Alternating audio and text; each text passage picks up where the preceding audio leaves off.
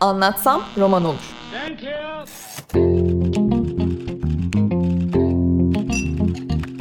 Bazı kültür sanat konuşmaları.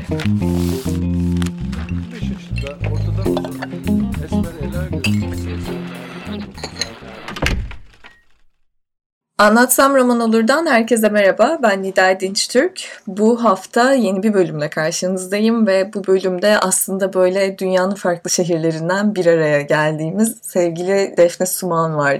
Son kitabı Yağmurdan Sonra'yla. Defne Hanım merhaba. Tekrar hoş geldiniz Anlatsam Roman Olur'un yayınına. Merhaba Nida. E, yağmurdan sonrayı biz böyle salgının aslında halen daha etkilerinin sürdüğü zamanlarda okuduk ve böyle çok da tuhaf kendimizden içinde bulunduğumuz durumdan parçalar bulduk. Yani ben çoğunluk adına konuşuyorum çünkü kitap üstüne ben Nazlı Gürkaş'la da çok sohbet ederken çok tuhaf değil mi ya nasıl olur falan diye bazı sırlar öğrendim kitapla ilgili ama bu sırları bilmiyormuşum gibi sorular soracağım bugün size. Öncelikle yağmurdan sonra salgından nasıl etkilendi diye başlayacağım. Çünkü gerçekten böyle hikayeyle içinde bulunduğumuz durumun arasında bir tık sesi geliyor neredeyse. E, tabii doğal olarak şimdi ben e, Orhan Pamuk'un e, Veba Geceleri de yeni çıktı biliyorsunuz. O da aynı şekilde evet. tık diye günümüze pek çok açıdan oturuyor. Nasıl yazdığına baktım e, Orhan Pamuk'un.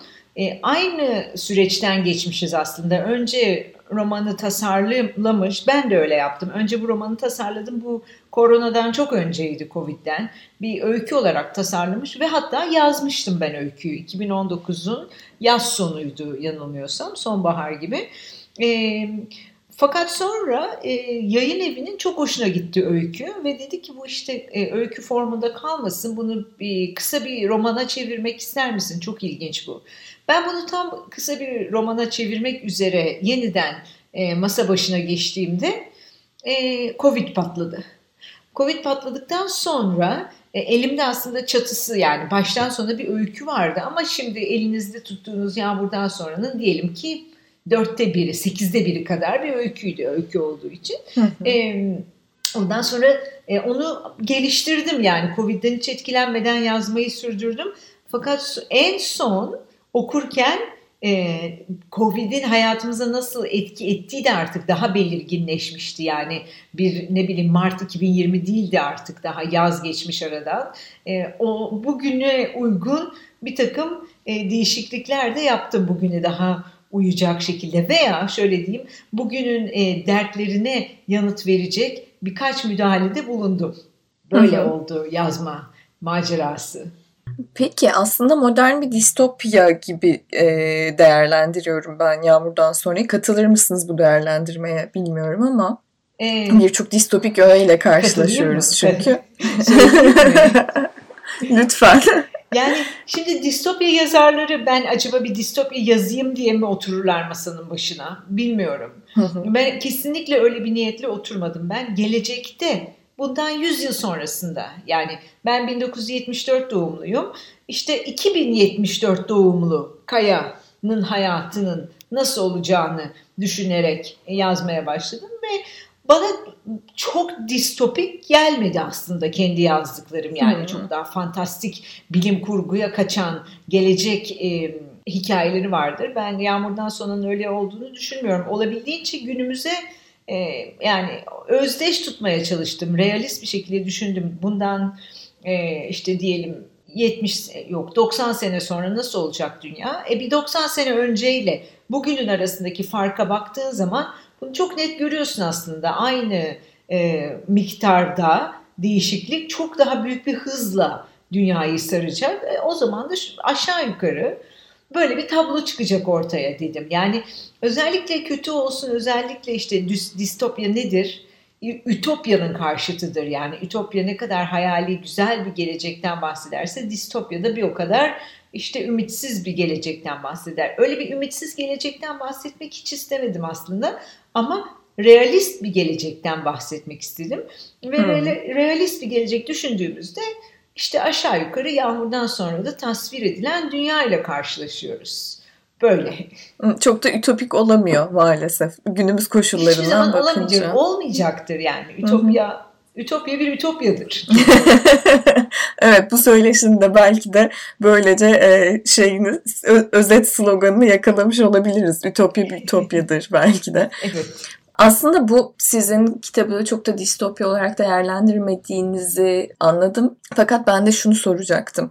Önceki romanlardan farklı bir hikaye yapısı var. Aslında farklı bir anlatım var. Bu dönüşüm nasıl oldu diyecektim ki başında bir öyküden e, dönüştürdüğünüzü anlattınız ama gene de o öykünün dönüşüm sürecini biraz konuşalım mı ve bunun devamı gelir mi? Tabii ki. Nasıl hissediyorsunuz? Elbette. Bunun devamı inşallah gelecek. Şöyle oldu. İşte e, ben en son e, Yağmur'dan sonradan bir önceki romanım Kahvaltı Sofrası'ydı. Kahvaltı sofrasıyla e, Yağmur'dan sonra arasında benim günlüklerimden ve gezi güncelerimden oluşan insanlık hali çıktı. E, ve bunlar bittikten sonra ben dedim ki ben kendimi birazcık artık yetiştirmek istiyorum. E, kendimi yetiştirmek de ne yönde olacak? Daha edebi bir tarz olarak gördüğüm öykü yani o İngilizce'deki short story denen bir bir biçim olarak, bir edebi biçim olarak öykü üzerine yoğunlaşayım. Çünkü bana çok zor geliyor. Roman yazmak e, kolay geliyor. Kalabalık, uzun e, vaktimiz var. E, okuru kolayca sarabilecek elimizde çok fazla alet, edevat var. Ama öykü öyle değil. Öyküde e, hem çok daha e, selektif bir okur kitlesiyle karşı karşıyayız. Yani kimse yaz tatilinde kumlara uzanıp öykü okuyayım şimdi demiyor. Değil mi? Evet. Daha edebiyatla haşır neşir, daha e, nitelikli bir metin arayan insanlar gidip de raflardan öykü alıyorlar. Dolayısıyla daha e, seçkin bir okur kitlesinin karşısına çıktığımı hissediyordum. E, o Hı. şekilde kendimi yetiştireyim. Hem de ben de kendi kalemimi inceltmiş olurum diye. Bütün 2020 yılını mıydı? 2019 mu? Artık yıllar çok kafamda karıştı. Neyse. Yok bu dönem insanlık... böyle geçti. E, evet. Şöyle diyeyim. insanlık hali çıktıktan sonraki sürenin tamamını öykü yazmaya ayırdım. Ve Hı. işte e, her ay bir öykü çıksın gibi de bir şey yaptım. Sınır koydum kendime. Bu da işte 2019'un Eylül ya da Ekim ayında kaleme aldığım öyküsüydü. Ee, öyle ve diğer öykülerde bu arada tabii çıktılar, olgunlaştılar. Aralarından Yağmur'dan sonra çekildiği için şimdi diğer öykülerin basılma tarihi birazcık ötelendi. Hmm. Ama Eylül ayında yanılmıyorsam bir terslik olmazsa kısa öykülerden oluşan bir kitabım çıkacak. Şahane. Bu yıl aslında Defne Suman'dan iki kitap okuyacağız. Biri roman, biri öyküde diyebiliriz öyleyse. Bir tane daha var. Üçüncü de var. Gerçekten? Ne geliyor? Evet. Onu da e, artık sürpriz çok az kaldı ama pazartesi günü çıkacak çünkü. O yüzden söylüyorum. e, 5 Nisan pazartesi çıkacak. Derlediğim bir kitap var. Aa. E, derlediğim derken diğer yazarlardan topladığım ve kendim de bir öykümle katıldığım Evden Kaçmanın Yolları isimli. Ha, çok tatlıymış. Evet, herkesin evden kaçmakla ilgili bir öykü veya bir anısını kaleme aldığı 24 yazarlı bir seçkimiz çıkıyor Türkçe yazarlardan. Ya bu çok enteresanmış Defne Hanım. Ben tabii şimdi bu söyleşiye hazırlanırken bu haberden e, haberdar değildim. Evden kaçmak deyince ve böyle 24 yazar deyince Demek ki insan hayatının e, herkesin hayatında bir nokta var böyle. Benim de çocukluğumun bir dönemi evden kaçmayı düşünerek geçti. Niye böyleyiz? Tam tam oradan çıktık yola zaten. Ben evden tabii eve kapandıkça evden kaçmayı daha çok hayal ediyoruz. Bu e, şu anda global bir sendrom. E, ama senin gibi bir kısım insan evden kaçma hayali belirdiği anda çocukluğuna dönüyor. Çocukluk ya da ilk gençlik. Çünkü bu çocukluk ve ilk gençlikte e, hissettiğimiz bir şey. Evden kaçıp özgürlüğe sığınmak, evden kaçıp kendini bulmak her neyse. Fakat bir kısım yazar da e, hiç kaçamamış olması üzerine yazıyor. Ya da herkes kaçmayı düşünürken hep kalmayı düşünmüş olan yazarlar da kalma hikayelerini kaleme aldılar. O da bir e, cins evden kaçma hikayesi aslında antitezi. Evet. E, ama yazarlara ulaştığım zaman ve dediğim zaman ben böyle bir proje düşünüyorum ne dersiniz? Hemen hemen hepsi seve seve katılırız dediler. Ve çok güzel öyküler kaleme alındı bu derleme için. Ya tahmin ediyorum çok heyecanlandım siz anlattığınızda. Peki biraz biraz daha açalım mı? Şimdi Yağmur'dan sonra konuşmasının arasında bir parantez açmış olduk tabii, böylece. Tabii. E, kimler var? E, nereden çıkacak? Doğan Kitap'tan çıkacak. Hı hı. Ayşe Sarısay'ın, e, Ayşen Melik Bayazıt, e, Orhan Pamuk bir öyküsünü verdi bize. Bu derleme için özellikle yazmadı ama hazırda olan bir öyküsünü verdi. Teşekkür ediyoruz ona. e, Yavuz Ekinci, İsmail Güzelsoy, e, Nurhan Suerdem, Nefsim Yenice gibi işte Türkçenin e, benim çok sevdiğim var. öykücüleri. Evet gerçekten çok tatlı ve herkes çok güzel. Gamze Güller, e, çok hoş öyküleriyle Serkan Türk var. E, Onur Çalı var, Volkan Çalı var ki onun bir öyküsünü ben Sözcükler dergisinde okudum ve kendisine ulaştım. Bu öyküyü hmm. de e, koyabilir miyiz derlememi diye tanımıyordum. Bu vesileyle tanışmış oldum. E, böyle. Ay çok güzelmiş. Çok heyecanlandım bir an önce çıksa da okusak e, gerçekten. Evet az kaldı. Pazartesi inşallah bitirdik. E, Beliz Güç Bilmez benim arkadaşım aynı zamanda şimdi tersine mühendislik atölyeleriyle çok tanınıyor. Ondan da bir öykü rica ettim. O da yazdı bu seçki için. Evden kaçmanın yolları. Şahaneymiş ya. Çok zihin açıcı olacağını e, hissediyorum. Bugünlerde de gerçekten bize ilaç gibi gelecektir diye düşünüyorum. İnşallah. Peki Yağmur'dan sonraya dönecek e, olursak ben aslında bu konuşmaların üstüne size şeyi de soracaktım. Sizin en sevdiğiniz distopya ne diye bana kızacaksınız. Nida bu distopya değil dedim hala distopyadan soruyorsunuz. ben çok seviyorum hayır, distopya hayır, türünü. Gayet yanıt verebilirim. Çünkü benim en sevdiğim distopya hep Margaret Atwood. Hmm. Margaret Atwood'un. Ve bence Margaret Atwood da distopya yazayım diye oturmuyor masanın hmm. başına. Bence o da gelecekte geçen bir hikaye yazmak istiyorum ve gelecekte olsa olsa böyle bir dünya da geçecek. O yüzden dünyayı bu unsurlarla kuracağım diyor. Onun da kitaplarında evet çok karamsar kimi imgelere rastlıyoruz. Süper karamsar yani. Şimdi e, Damızlık Kızın öyküsünü düşünecek olursak veya işte Oryx ve Craig İngilizcesi orijinal ismi Türkçe'ye Antilop ve Fluria diye çevrildi. E, o kitabı düşünecek olursak çok karanlık. Ama bir yandan da yine bir insanın öyküsü, bir aşk öyküsü, bir kendini bulma, kendini kurtarma öyküsü. E, zaten Yağmur'dan sonra bu Oryx ve Craig, Margaret Atwood'un e, Antelope ve Fluria adlı kitabının üzerine kuruldu. Yani ben onu hmm. okurken Yağmur'dan sonrayı e, tasarladım. Ve hani bir gün belki böyle karşılıklı birisi karşılıklı okutur bunları karşılık, karşılaştırmalı edebiyat dersinde. Çünkü aslında aynı çatıya sahipler ikisi de. İşte üç e, çocuk, evet. e, bir kız, iki oğlan beraber büyüyorlar. Oğlanların ikisi de kıza aşık falan bu ve e, dünyanın sonu bir virüs tarafından dünyanın sonu getiriliyor ve son insan olma teması. Bunların hepsini ben aslında Margaret Atwood'la konuşarak içimden tabii ki dışımdan değil de yani o e, Oryx ve Craig kitabıyla konuşarak e, oluşturdum bu şeyi e, kurgunun ve karakterlerin ana çatısını. Hı hı. Aslında yani o Margaret Atwood diyeceğim senin soruna yanıt olarak. Tahmin ettim aslında yani e, okurken böyle e, his olarak bir yani şey demek doğru değil. Margaret Atwood esintisiyle değil e, ama şöyle olur ya bir kitap okuduğunuz zaman o sizi yeni bir şeyler yazmaya ilham katar ya. Sizin de bundan ilham aldığınızı hissettim ben e, kendi adıma. E, tabii böyle Margaret Atwood eserlerini e, takip eden kişiler de muhtemelen aynı duyguya kapılacaklardır. Yanılmamışım. E, bu oyuna katılmak. Demek ki iyi bir okursun. Demek Bil, ki çok iyi bir okursun. Bilmiyorum yani şey belki de böyle yıllardır bu işi yapmakla alakalı çok iyi okur olmak diye kendim öyle diyemedim bir anda bilemedim. Teşekkür Bence ederim. Sağ olun. Benim bir öğrencim e, şeyi okudu Yağmur'dan sonra daha çıkmadan önce okudu. Çünkü çok dikkatli bir kadın ve düzeltmesi için ona verdim gramerleri falan. Ondan sonra dedi ki hocam ben şu anda Damızlık Kızın öyküsünü okuyorum çok benziyor. Bu sizin için bir sorun yaratmasın. Yaratmaz. Çünkü biz yani edebi referans diye bir şey var ve açık ve seçik bir biçimde Yağmur'dan sonra da Margaret Atwood'un kitaplarına edebi referanslar var. e, o, o aslında bir edebiyat kulesi varsa dünyadaki bütün insanlarla beraber inşa ettiğimiz o kulenin bir tuğlasını koyarken tabii ki alttaki bütün tuğlaların üzerine yerleştiriyorsun kendi tuğlanı. Onlarsız olacağını düşünmek yani aslında küstahça bir şey. Diğer edebiyatlardan etkilenmediğini söyleyerek bir tuğla koyduğunu söylemek e, kuleye, kaleye neyse ne inşa ediyorsak ona.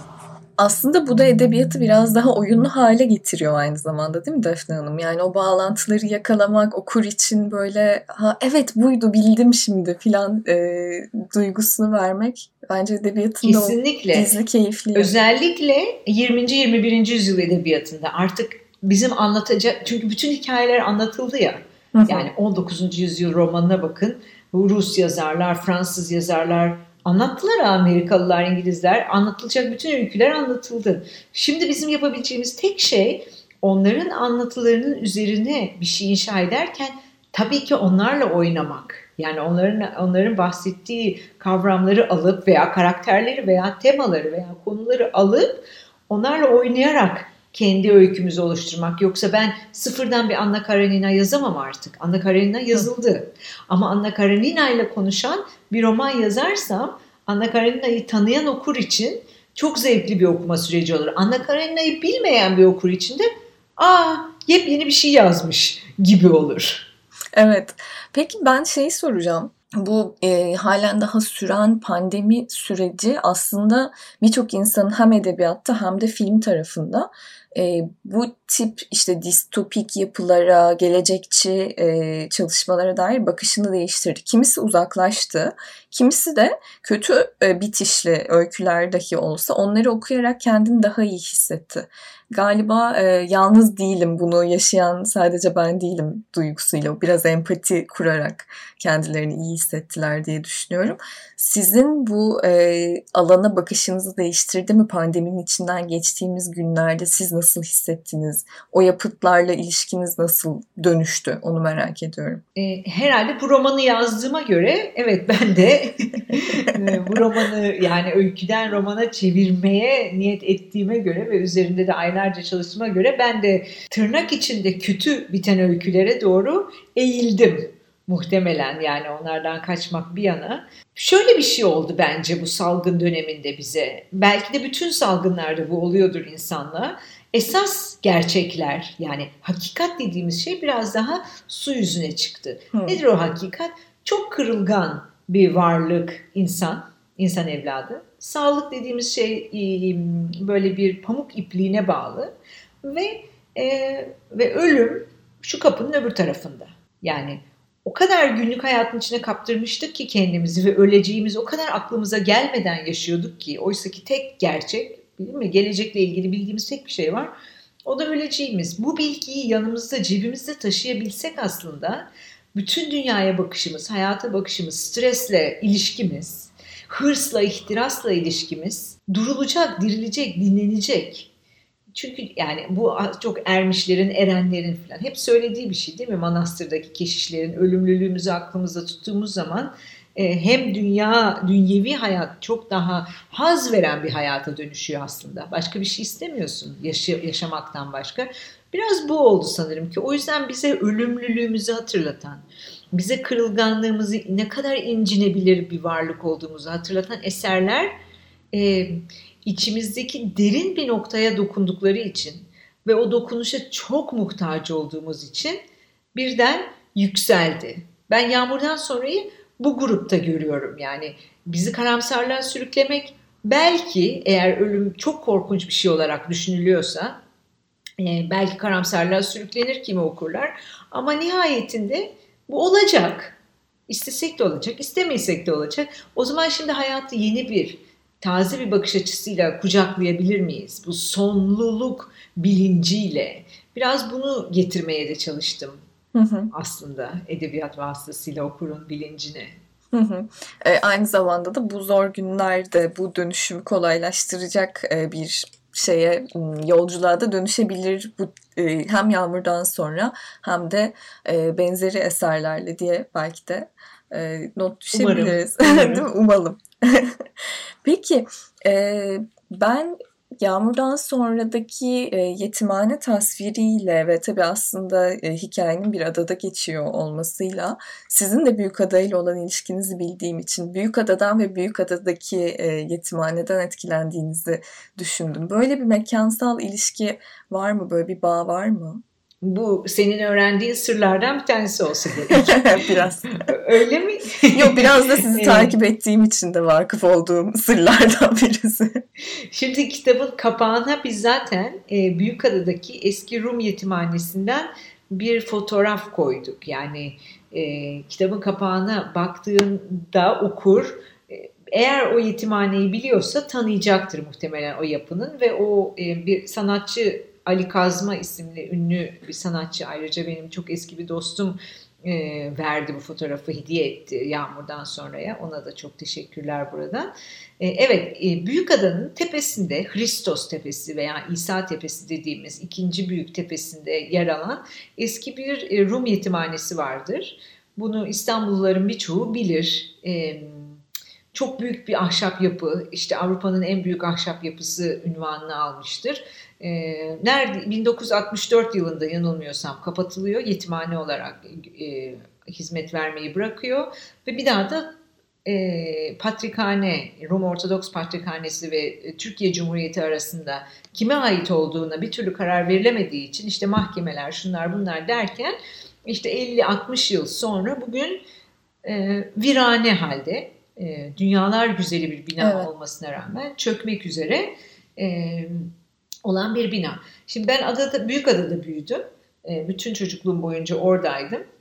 Ve tabii ki yürürken orada sürekli bu dev gibi bina bir köşeyi de dönün tam da köşeyi dönünce karşınıza çıkar ve şok edici bir şeydir. Tek başına ormanların ortasında koskoca ve terk edilmiş bir ahşap e, koyu renk ahşapla bir de döşenmiş. Hani açık renk bir köşk de değil.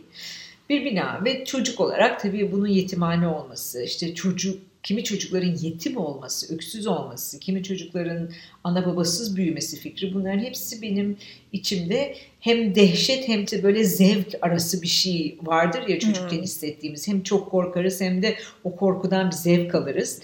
Ee, öyle hisler uyandırırdı. E, elbette adayla, büyük adayla ilişkimde hiç kesilmedi. Ben şimdi Atina'da yaşıyorum ama İstanbul'a gittiğim zamanlarda muhakkak e, adada uzun süre vakit geçiririm. E, oradaki dede evimiz hala duruyor. Ve e, genelde orada yazarım. E, yine orada yazdığım seferlerin birinde yanımda da bir grup öğrencimle beraber yürürken e, burada geçen bir öykü yazmak istiyorum dedim. Hmm. Hatta ödev verecektim öğrencilere. Herkes burada geçen bir hikaye yazsın. Boş verdim onların. Kendi, kendi akıllarına gelirlerse onlar da yazsınlar. Burada geçen bir öykü yazmak istiyorum. Tabii insanın aklına ilk önce ne geliyor? Geçmişte geçen bir öykü olacak. Yani yetimhane 1964 yılından beri kapalıysa en azından 64 yılından önce. Ama dedim hiç istemiyorum şimdi geçmişte geçen bir öykü yazmak. Ee, gelecekte geçsin hadi bu da. Ya ben bunu bilmiyordum bu arada. Bu bildiğim evet. sır bu değildi benim. E, çünkü geçmiş için yani bir kere öykü olarak yola çıktığın zaman çok büyük bir araştırmayı altına yüklemek istemiyorsun. E, ya da altını çok büyük bir araştırmayla beslemek istemiyorsun. O yüzden geleceğin e, pragmatik olarak bir kolaylığı vardı. İstediğin her şeyi söyleyebilirsin gelecekle ilgili. Doğru. Hani düzenli bir açık radyo dinleyicisiysen ben öyleyim. Düzenli olarak açık radyoyu dinliyorum. O yüzden geleceği aşağı yukarı tahmin edebiliyorum. Hani araştırma olarak bana yeterli bu. Ee, o yüzden hani geçmişte kurmaya üşendiğimden gelecekte kurmaya karar verdim o gün hikayeyi ve güzel gitti sonra da oldu da. Evet bir, bir okur olarak da ben de buna katılabilirim. Kesinlikle güzel gitmiş ve olmuş e, Defne Hanım. E, peki aslında açık radyo dinleyicisi olduğunuzu söylemeniz şimdi bu sorunun e, bir parçasını da yanıtlamış oldu da Yağmur'dan sonradaki karakterlerin neredeyse tamamı ismini doğadan alıyor. Doğadan ilhamla e, alıyor. Bu neden diye soracaktım. Buna bağlantılı bir başka sorun var. Bunu yanıtladığınızda onu da soracağım. Tamam. E, şimdi bu birazcık e, burada sosyolojik mühendislik dediğim bir şey yapmak zorundaydım. Yani geleceği, gelecekteki toplumu tasarruf ederken e, işte bugünkü sosyolojiden yola çıkarak devam ettim ve şöyle bir karara vardım. İşte eski ülke denen yer üçe bölünmüş. Eski ülkenin e, üçe bölündükten sonra öte ülke, orta ülke ve işte vatan dedikleri ya da liderin ülkesi dedikleri üç ülke var. Bizim hikayemiz liderin ülkesi virgül vatanda geçiyor. E, ve bu ülke diğer ikisiyle yani orta ülke ve eski ülkeden kendini ayrıştırabilmek için e, her zaman olduğu gibi yani her zaman yeni bir ülke kurulurken yeni bir kültür politikası benimsenir. Ve bu ülke kültür politikası olarak lider ve ona yardımcı olan o sırada sağ kolu pozisyonundaki Kibelan'a e, böyle bir Anadolu medeniyetleri ve e, Orta Asya Türklerinin kültürünü kültür politikası olarak benimsiyorlar. E, o yüzden de isimler e, hem doğadan geliyor hem işte e, Hristiyanlık ve İslam öncesi e, Anadolu isimlerinden yani antik Yunan isimleri Artemis gibi. Hı hı. Buradan yola çıkarak ve çocukları da daha genç tabii çocuklar işte ne o kadar eskiye gitmesinler.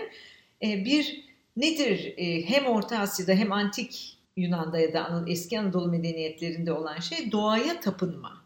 Zaten bu ülke de kendi inanç sistemini ya da işte tinsel, spiritüel sistemini tamamen e, doğa üzerine kuruyor. E, çocukların inandığı, inandırıldığı, işte öğretildiği, e, tapınmaları veya şükranlarını, minnetlerini dile getirmeleri istenen şey doğanın kendisi. O yüzden e, sığınaklara, barınaklara getirildikleri zaman küçük bir isim değiştirme töreni yaşıyorlar. Yani isimleri belki de senin benim gibi isimlerken hepsine doğadan bir isim veriliyor. O onların e, belki de işte biraz da kalıcı değil geçici oluşlarını da hatırlatıyor yani. Siz de tabiatın, tabiat ananın e, bir parçasısınız ve yağmur gibi, işte bulut gibi ve hatta kaya gibi, kaya gibi. bir gün yok, yok olup gideceksiniz aslında. En son kaya kalıyor tabii kaya gibi olduğu için. e, tabii bu hem e, isimlerin e, etkisiyle hem de aslında olayların e, akışında e, okurken bazı şaman, şamanizm ögeleri e, de rast geliyoruz. E, en azından bu örgülerin şamanlıkla bağlantılı olduğunu hissediyoruz.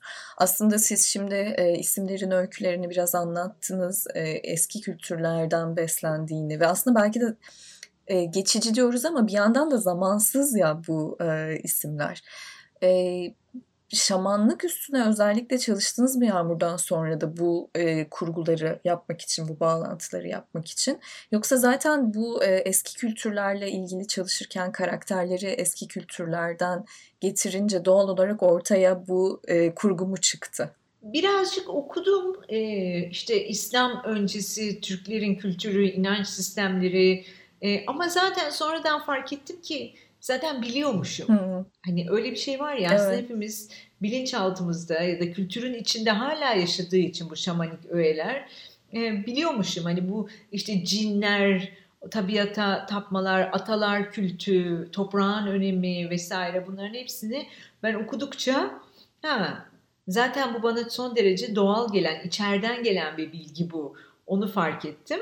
E, o yüzden çok uzun bir araştırma yapmama gerek kalmadı. Hani şöyle bir kendi içimi karıştırdığımda çıktı. E, bana lazım olacak kadar malzeme. Hı hı. Peki şey soracağım Defne Hanım. Arada siz de böyle değindiniz öğrencilerim diye bahsettiğiniz aslında bir süredir devam eden yazma gruplarınız var. Ee, biraz da o yazma gruplarından da bahsedelim istiyorum. Yazma grubu demem doğru mu bu arada? Atölye demek istemiyorum çünkü böyle bir günde başlayıp biten bir şey değil. Yok çok güzel. Yazma grubu. Edebiyat yazarlığı grubu diyorum. Biz grubumuza kurmaca Stana adını verdik. Stana yogadan gelen bir terim ama aslında e, Sanskritçe fakat e, İngilizce'deki stance duruş hmm. veya işte Türkçedeki istan diyar ikisi aynı kökten geliyor. Kurmaca stanı da kurmaca istasyonunda duranlar gibi bir anlamı var. E, grubumuzda da kurmaca stanı e, bunlar Nazlı haricinde, Nazlı bizim tek eksepsiyonumuz. Onun dışındaki bütün üyeleri Kurmacastan'ın benim yoga öğrencilerim. Ben hmm. yoga, hatta yoga hocasıyım ve bir okulum var Türkiye'de. Şimdi tabii ki hepsi Zoom'da okulumun ama bu okulumun öğrencileri, bu hatta yoga öğrencilerim de işte uzun süredir bu okula devam ediyorlar. Yani benim yanımda eğitimlerini en azından işte 5 senedir, 6 senedir devam ettiren kişiler. Onlara diyorum öğrencilerim. Onların arasından ikinci seneye başladıktan sonra ikinci seneye başlayanlar arasından edebiyatla ilgili olanlara e, duyuru yapıyoruz. Kurmaca Astana diye bir şey var. Katılmak isterseniz ayda bir pazartesinizi boş bırakmanız gerekiyor. Hı. Şartımız bu. Tabii bir senedir zavallı kurmacastanı buluşamıyor. Ama e, önceki senelerde e, 2018'de 2019'da 2017'de belki de düzenli olarak buluştuk. Bütün pazartesi boş bırakılıyor. İstanbul'da olunuyor veya İstanbul dışından olanlar da geliyorlar. Ve Büyükada'ya gidiyoruz. Ee, önce tempolu bir yürüyüşle adanın etrafında hızlı bir tur atılıyor. Zihinler açılıyor. Ve ondan sonra bizim oradaki işte dededen kalma evimize gidip e, yazıyoruz. Ve yazdıklarımızı sonra beraber okuyoruz. işte değerlendiriyoruz. Sonra da e, sadece birbirimizin gördüğü bir blogumuz var. O bloğa da yüklüyoruz ve herkes birbirinin yazdığı öyküsünü e, okumuş oluyor. Bu şekilde devam eden bir grup. Peki e, dışarıdan yeni birileri katılmak istediğinde e, ne yapmak gerekiyor? Yani o zaman önce yoga ee, okuluna mı gelmemiz gerekiyor? Önce yoga okuluna gelmeniz gerekiyor. İşte önce benim yoga öğrencim oldu. Yani aslında çok e, zor bir durum. Çünkü insanların birbirini çok iyi tanıdıkları bir e, komünite içinden çıkıyor e, yazarlar ve o rahatlık içinde birbirlerini okuyabiliyorlar, birbirlerini eleştirebiliyorlar. O samimiyeti ve o rahatlığı kaybetmemek için evet önce birlikte bir yoga yapmaları, birlikte bir e, grup oluşturmaları öncelikle. Hı hı. Ondan sonra oradan yetişip kurmaca çok zor oluyor yeni birini almak konusunda. E, uzun tartışmalar oluyor, oylama yapılıyor. Ondan sonra... Ama bence çok güzel e, bir yandan da Defne Hanım. Yani çünkü şey çok kıymetli gerçekten. Dediğiniz gibi insanların birbirlerine e, yazdıkları kurmaca metinleri açabilmeleri ve birbirlerine incitmeden bu eleştirileri e, yapabilmeleri haliyle böyle bir süreçten geçip günün sonunda oraya varmak bence oldukça sağlıklı ve bu işi de tutkulu kılacak şey buymuş gibi evet, geliyor. Evet ben de öyle yani zorlaştırıyoruz gittikçe kurmacastanaya katılma şartlarını. Peki şeyi soracağım. Ee, sizin yazma ritüelinizde böyle bir şey var mı? Mesela diyorsunuz ya önce bir adada bir yürüyüş yapıyoruz tempolu. Bir zihinler açılıyor. Siz e, bilgisayarın başına diyorum artık ama yazının başına oturmadan önce ne yapıyorsunuz? Bir de bunun yoga ile bağını da soracağım sonra. O da çok ilgimi çekiyor. Yani ben e, hemen yoga ile bağını söylemek zorundayım. Çünkü Hı. çok önemli bir parçası var. Murakami Murakami'den örnek verecek olursak Murakami diyor ya e, koşmasam yazamazdım. Hı hı. Aynı şeyi ben de yoga için söyleyeceğim. Yoga yapmasam yazamazdım. E, muhakkak e, şimdi bu sabah mesela yoga yapmadım. Ev çok kalabalıktı. Bugün yazamayacağım çok büyük ihtimalle. E, yoga yapmadığım günlerde açılmıyor bir şey. Neyse o. Yani ne olduğunu biliyorum ama şimdi seni teknik ayrıntılarla sıkmayayım. Ee, yoga yaptığımız günlerde daha derin bir yerine erişebiliyoruz zihnin, hayal gücünün. İyi bir uyku gibi aslında. Ee, öncelikle yoga yapmak hani sabahleyin. Sonra e, evet doğada yürüyüş veya doğa demeyelim nerede var doğamız yani? E, işte mahalledeki park olabilir deniz kenarında yürüyüş bu da bana çok iyi gelen bir şey. Ve bugüne kadar yani şu salgın yüzünden Atina'da neredeyse işte Kasım Aralık Ocak 6 aydır bütün kafeler ve dükkanlar kapalı olduğu için e, bu e, ritmim çok fena sekteye uğradı ve bunalımdayım bu sebepten. Ama normalde o yürüyüşümü veya bisikletle gezdiğim turumu ben bir kafede tamamlardım hmm. ve o kafede yazardım. En, en önemli kısmını yani en yaratıcılık isteyen kısmını kafede yazardım. Sonra eve döndükten sonra işte yemekti, şuydu, buydu falan. Ondan sonra yazdığım kısmı bilgisayara geçirmek evde yapabilirdim. Ama o yaratma kısmını da evin dışında olmak benim için çok önemli idi. Şimdi işte her şey tersine döndüğü için evde uğraşıyorum ve genelde ilk e, şeyleri deftere yazarım hmm. ilk başta. Yani ilk önce deftere yazarım diyelim ki bir bölüm üzerinde çalışıyorum. İlk önce defterime yazarım, yazarım, yazarım. Sonra işte araya bir küçük zaman sokarım. Eve dönüş süresi olabilir o. Yemek yemek süresi olabilir. Ondan sonra bilgisayarın başına. Belki ertesi gün olabilir bilgisayara geçirmek. Sonra bilgisayara ama deftere bakmadan yazarım bilgisayara. Hmm, bu çok enteresanmış. Ben de şey soracaktım e, bilgisayarla yazma deneyimiyle deftere yazma deneyimi düşünsel yapıyı nasıl etkiliyor sizce? Sizde nasıl işliyor diye soracaktım. İlk başta eğer ortada hiçbir pro, hiçbir fikir yoksa ya da çok silik hayalet gibi görüntüler varsa şu anda yeni bir romanla E, yeni roman yazmaya çalışıyorum ve hani şimdi birazcık çıktı ortaya ama bir ay önce Mart başında mesela çok hayal et her hmm. şey. Onu bilgisayara yazamam. Mümkün değil yani bilgisayarın karşısında boş bir Word e, belgesine baka kalırım. Ama defterde belki çocukluğumuzdan kalma bir şey. Günlük tutmaktan, kendinle haşır neşir olurken yazıyor, mektup yazmaktan filan. Yani bundan sonra kuşaklarda bu olamayacak tabii ama en azından ben ve işte senin ucunu yakaladığın kuşakta hala deftere yazmak ve içini açmak arasında bir bağ var. Kağıda yazmak ve içine dokunmakla ilgili. Bunu bilgisayarda asla yapamıyorum.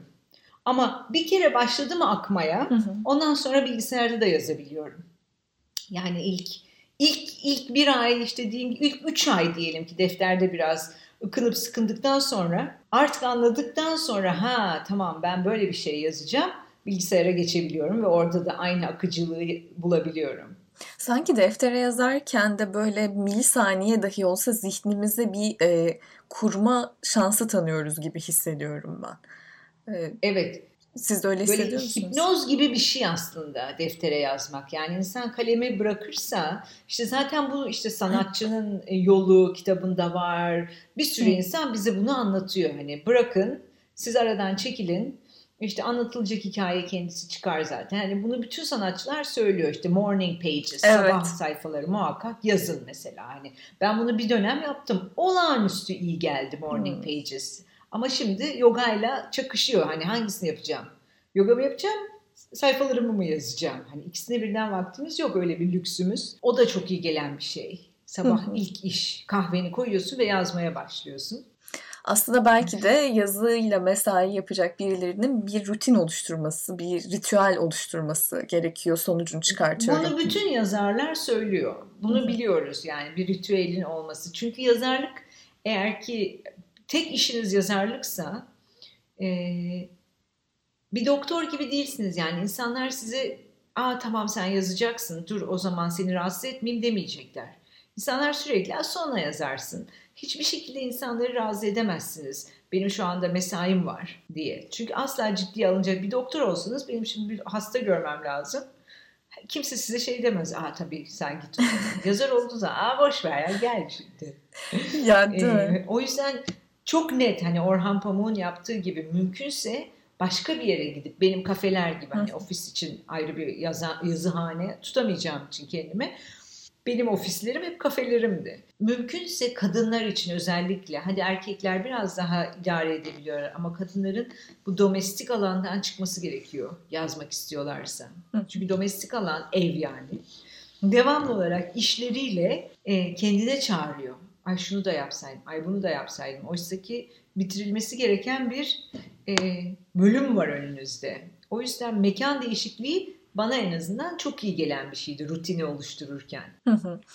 Defne Hanım bu vesileyle yani sizi Yağmur'dan sonrayı konuşmak üzere çağırıp çok güzel böyle yazmak üzerine de e, fikirlerinizi toplamış oldum. Soruları yanıtlamanızı istedim. Bitirmeden, ne güzel. bitirmeden bir şey daha soracağım size. Tüm bu konuştuklarımızdan bağımsız.